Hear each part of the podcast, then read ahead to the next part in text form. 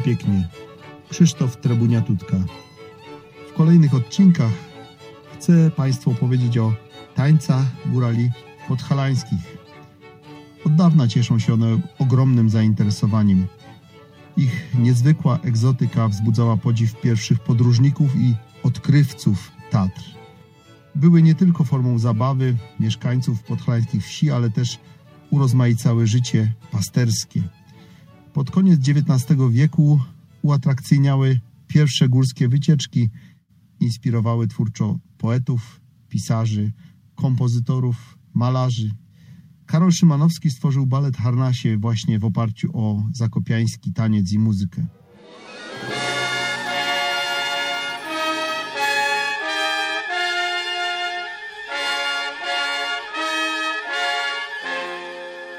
Moda na góralszczyznę wkrótce zaowocowała powstaniem pierwszych grup prezentujących tańce góralskie na scenach odradzającej się Polski i wielu krajów europejskich.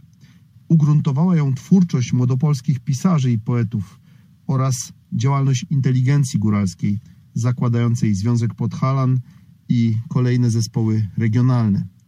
Pierwotną potrzebę wyrażenia w tańcu własnych uczuć i emocji stopniowo zastępował pokaz typowo sceniczny, wpływający m.in. na rozwój kroków i motywów oraz uporządkowanie kolejności figur.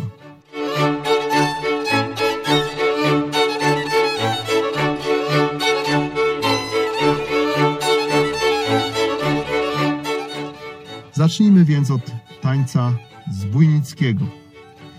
Przede wszystkim musimy przypomnieć, kto to byli zbójnicy.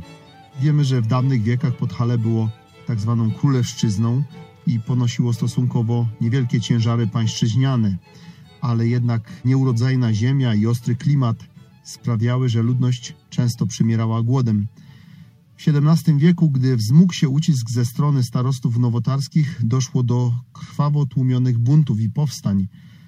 Góralom, targanym gwałtownością charakteru i świadomym niesprawiedliwości, jedynym honorowym wyjściem wydawało się pójście na zbój.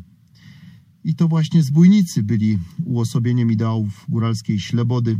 Zbójnicy, zbójnicy, łowcy tygrysy i muzyce dali znać, co by przyszła im zagrać.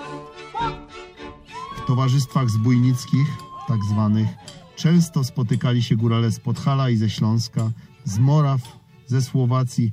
Nic więc dziwnego, że pieśni zbójnickie mają swoje lokalne odmiany w regionach po obu stronach Karpat. Podobnie kształtował się taniec zbójnicki, który w swoim wyrazie i formach przypomina i słowacki hajduch, czyli odzemok, i ukraińską hucułkę, i huculskiego arkana, i dońskiego kozaka. Nasz zbójnicki różni się jednak od powyższych m.in.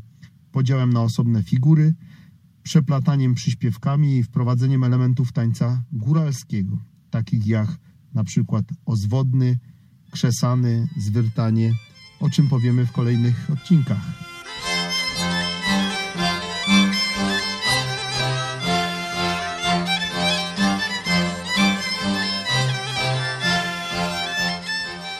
Zbójnicki był pierwotnie najprawdopodobniej tańcem pasterskim, bo przecież to bacowie ze swoimi juhasami często chadzali poza Bucki.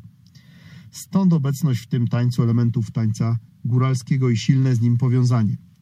Bacowie też często bywali dudziarzami, przygrywali na kozie do tańca w czasie pasterskich zabaw przy szałasie. Innym starodawnym instrumentem pasterskim grywającym do tańca były złupcoki, czyli małe gęśliki o wrzecionowatym kształcie, wyparte w drugiej połowie XIX wieku przez znacznie głośniejsze skrzypce. Skrzypce i basy od końca XIX wieku, dwoje skrzypiec i basy stały się tutejszą orkiestrą przygrywającą do tańca. W kolejnym odcinku opowiem o poszczególnych figurach i krokach tańca zbójnickiego oraz całym jego przebiegu. Zbójnicki!